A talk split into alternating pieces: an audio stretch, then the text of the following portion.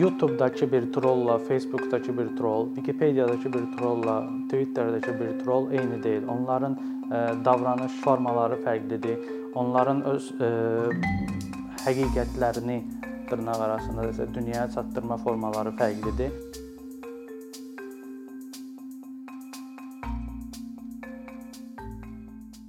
İnternet evlərimizə ilk dəfə gələndə insanlar forumlarda və yaxud söhbət otaqlarında, yəni chat roomlarda öz adlarından və şəkillərdən istifadə etmirdilər.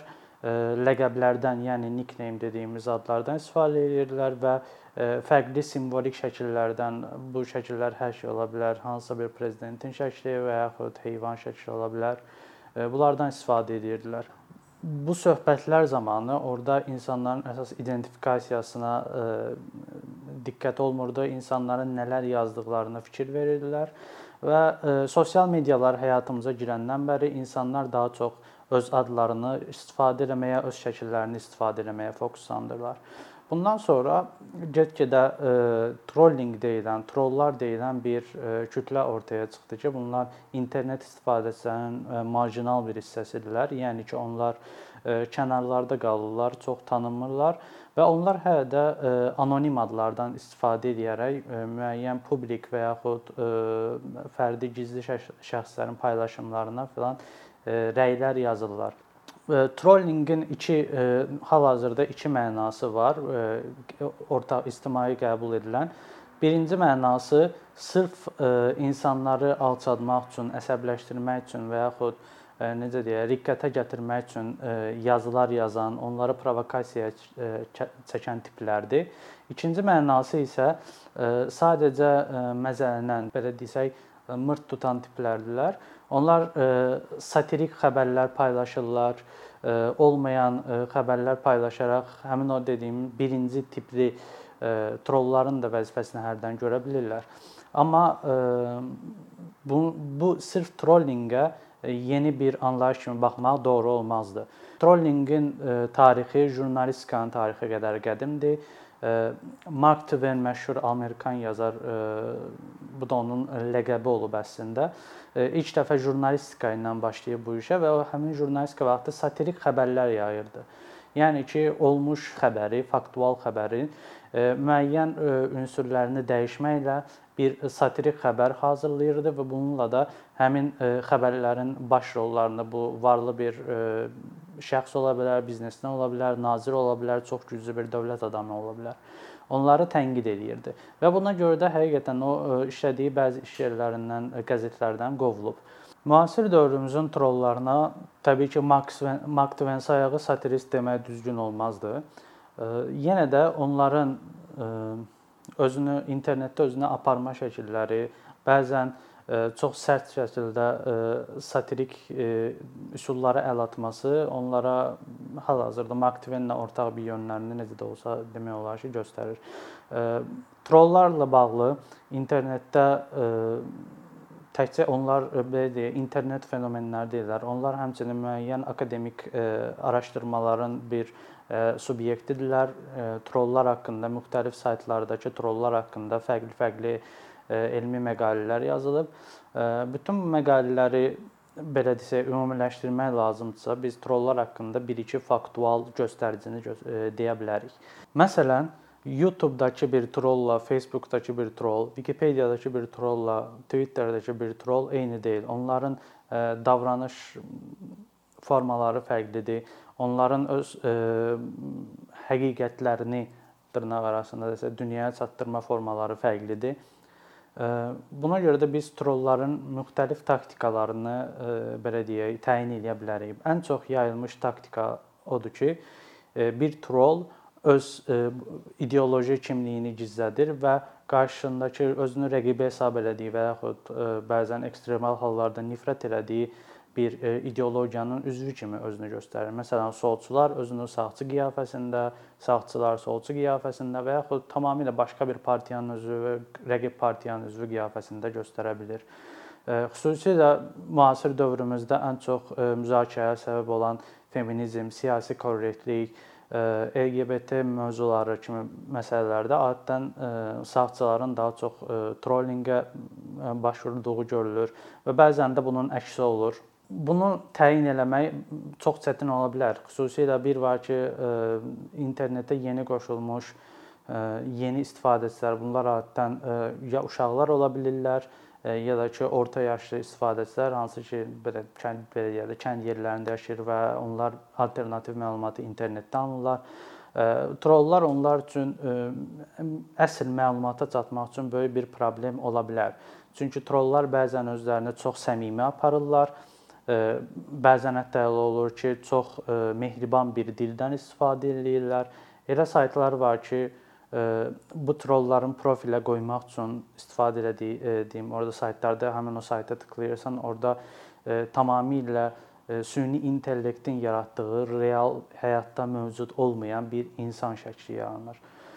thispersondoesnotexist.com var məsəl üçün. Hər dəfə o sayta girəndə yeni bir profil şəkli yaranır. Trollar o şəkildən istifadə edib öz profillərinə qoyaraq real insan təəssüratı yarada bilirlər və bunun üçün həmin insanları tapmaq üçün, yəni real həmin insanları realda tapmaq çox çətindir. Bəzən onlar hətta ekstrem satiralar eləyərək, ekstrem trollinqlər eləyərək bəzi dövlət vəzifəli dövlət şəxslərinə belə deyək də sataşa bilirlər, erişə bilirlər, hətta təhqir edə bilirlər. Həmin dövlətlər bu dediyimiz trolları tapmaq üçün sosial media saytları ilə böyük leqal münaqişəyə girirlər. Çünki bəzi sosial media saytlarının öz istifadəçilərini qorumaq üçün çox ciddi qanunları var. Türkiyə kimi, Çin kimi, bəzən də Rusiya və Amerika kimi saytlar. Buna görə də sosial media saytları üçün şirkətləri ilə böyük bir leqal münaqişə burulğanına girirlər, belə deyək. Bəzən tapa bilirlər, bəzən də tapa bilmirlər. Çünki elə trollar var ki, öz izlərini çox bariz göstərir. Yəni ki, həmin bu trollun bir dənə də şəxsi hesabı da var və o şəxsi hesabında yazılan istifadə olunan söz tipləri, elə sözlər var ki, biz məsəl üçün tez-tez istifadə edirik. Elə terminlər var ki, təzə tapmışıq, insanın dilinə dolaşır da, tez-tez istifadə edirsən. Yazı tərzindən və yaxud gündəlik istifadə elədiyi gediş, gəliş marşrutundan paylaşımlar, e, paylaşımlardakı məsəl üçün hansısa küçədən şəkil çəkdirirsə, bunların üzərindən gedərək buna sosial media e, detektivləri deyilən, deyilən bir qruplar olur. Həvəskarlar da ola bilər, professionallar da ola bilər. Məhz onlar artıq xəbərləri və yaxud paylaşımları yox, həmin şəxsləri fact checking edirlər, fakt yoxlayırlar ki, bu insan həqiqətən də realdır yoxsa yox. Bəzi şəxslər internet istifadəçiləri deyirlər ki, bu sırf onların e, ifadə azadlığına ziddir bu kimi aktlar. Onlar sadəcə siyasi aktivizm edirlər. Həqiqətən də elə ölkələr var ki, siyasi aktivizm üçün çox e, ekstremal hallarda buna baş baş vurmaq e, mümkündür. Amma bunun əksi də əksi də mövcuddur. E, forum müəyyən forumlarda, bəzən də dark webdə, darknetdə e, ilkçilər, homofoblar və yaxud digər nifrət nitqi yayan şəxslər bu trollinq üsulundan çox istifadə edirlər. Tutalım bir antifeminist deyək, bu tipdə bir troll özünü uzun müddət feminist paylaşımlar edir və özünə bir ciddi bir izləyici kütləsi yığır və bundan sonra başlayır feministləri yamsılamağa. Və tutalım ki, bir kontekstdən çıxarılmış bir foto paylaşır və bu fotoda e, zəncirə keçirilmiş bir e, kişi foto şəkli var. Və həmin bu fotonu paylaşaraq deyir ki, mən bir əsl feminist olaraq bu gün sevgilimi e, kafeşopa apardım və yaxud küçəyə çıxardım gəzdirməyə və s. Bunu bu şəxsi uzun müddətdir izləyən və yaxud yenicə izləməyə başlamış bir şəxs, bu feminizmlə anlayışı olmayan bir şəxs həmin bu e, trolling nümunəsindən yola çıxaraq e, hesab edə bilər ki, əsl feminizm budur.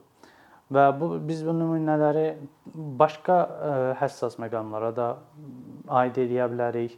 Məsəl üçün heyvan sevgisi haqqında, vegetarianlar haqqında və yaxud hər hansı istənilən təhlükədə olan azlıq qruplarına bunları tətbiq edə bilərik. Və troll trolların məqsədi artıq siz bu trolla inananda artıq o trollar öz məqsədinə çatmış olur.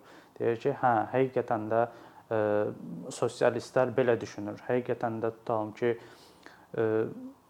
koronavirus bizi idarə eləmək üçün yaradılmış süni bir şeydir çipdir və yaxud həqiqətən də 5G siqnalları insanları öldürür, xərçəng eləyir. Bu kimi elmi olmayan, yanlış, necə deyirlər, xurafat anlayışları yaymaq üçün orta əsrlərdə kitablardan istifadə edirlərsə, indi artıq sosial media və digər bloqlar və saytlar vasitəsilə trollinq üsulu ilə insanlara bu kimi xurafatı yaya bilirlər belə deyək. Bundan əlavə mən başqa nümunələr də gətirə bilərdim. Bunları zərərsiz trollinq saymaq olar. Məsələn, Türkiyədə Zaytung saytı var. Amerikada ən çox oxunan The Onion, yəni ki, soğan kimi tərcümə olunur. The Onion saytı var. Bu saytlar adətən satirik, əslində olmayan xəbərləri çatdırırlar və onların istifadə etdiyi dil həqiqətən də real jurnalistika dilinə çox yaxındır, emosiyalardan uzaqdır və elə bir dildə yazılır ki, siz bu xəbərləri oxuduqca, oxuduqca, oxuduqca, yəni bu saytın aludəçisi olursunuz. Amma bu saytın dilini də çox yaxşı qavrayırsınız və The Onion saytı məsəl üçün və yaxud Türkiyədəki Zaytung saytı öz saytlarının adına uyğun olaraq bir e, deyimlər yaratma e, bacarıblar. Məsələn, real artıq e, real həyatda məsəl üçün e, elə xəbərlər çıxır ki, görürsüz ki, insanlar həmin xəbərlərə rəy verirlər, deyirlər ki, mən elə bildim bu Zaytın xəbəridir. Yəni ki, mən elə bilirdim bu sarkazmdır, amma sən demə doğru xəbər imiş. Yəni absurdcasına, absurdcasına doğru olan xəbərlər artıq e, bizdə bu effekti yaradır. Bu təbii ki, fake newsun, yəni ki, saxta xəbərlərin bir növüdür. Biz həmin bu zərərsiz trollinqləri nümunə kimi təkcə saytlardan əlavə həm də ki, şouları göstərə bilərik və hansı ki, bu şoular e, formatca xəbər şoularına, xəbər e, vaxtlarına belə deyək də çox oxşuyurlar. Məsəl üçün Amerikada Trevor Noah'nın The Daily Show, e, günlük şou belə tərcümə olunur e, və yaxud John Oliver'ın həftə sonları şousu e, Last Week bu kimi şouları nümunə göstərə bilərik. O aparıcılar xəbərləri satirik şəkildə çatdırırlar və onlara əslində belə deyək, siyasi rəylər, siyasi şərh, siyasi şərhlər verirlər, bəzən də tənqid edirlər, amma onu izləyən insan, yəni təzə izləyirsə və satiradan hələ yaxşı başa çıxmırsa, real xəbərlər kimi başa düşə bilər. Və əsas məqsəd də o burada əslində odur ki, real xəbərlər formatında baş verən hadisələri tənqid etmək. Amma dediyim kimi, trollinqin əsas təhlükəsi bu birinci dediyim кейsdə, yəni ki, kimisə yamsılamaqla həmin insanın ə, e, belə deyim, etibarsızlaşmasına xidmət eləmək, həmin və yaxud bir qrupu ə, e, bir ə, e, nifrət nitqinə tabe tutaq, həmin insanları hədəfləyərək ə, onlara ə, cəmiyyətdə bir mənfi münasibət yaratmaq, ə, həmin bu məqsədi güdən daha təhlükəli versiyası da var və biz sosial medianı istifadə edərək ə, bu şəxslərə istəsəydi, istəməsəydi rast gələcəyik. Buna görə də özümüzü maarifləndirməliyik. Maarifləndirməkdən söhbət nədən gedir? Belə bir deyim var. Don't feed the troll. Yəni trollu yemləmə.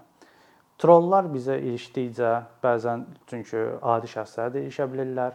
E, trollar bizim ideologiyamıza ilişdikcə, milliyyətimizə ilişdikcə, dinimizə ilişdikcə, e, bizim onlara reaksiya verdikcə həmin o trolları gücləndirmiş oluruq.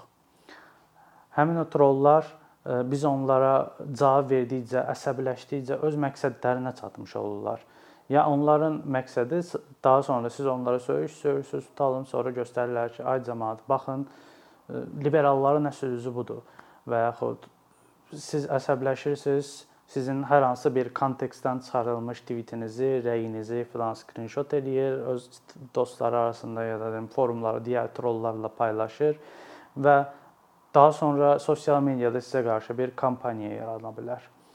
Buna görə də biz sosial mediadan istifadə edərkən çox diqqətli olmalıyıq. Bunun da ən əsas belə deyək, ən yaxşı yolu istifadə edəcəyimiz sosial mediada istifadə edəcəyimiz sözləri düzgün seçməkdir. İfadə özümüzü ifadə edərkən buna fikir verməliyik.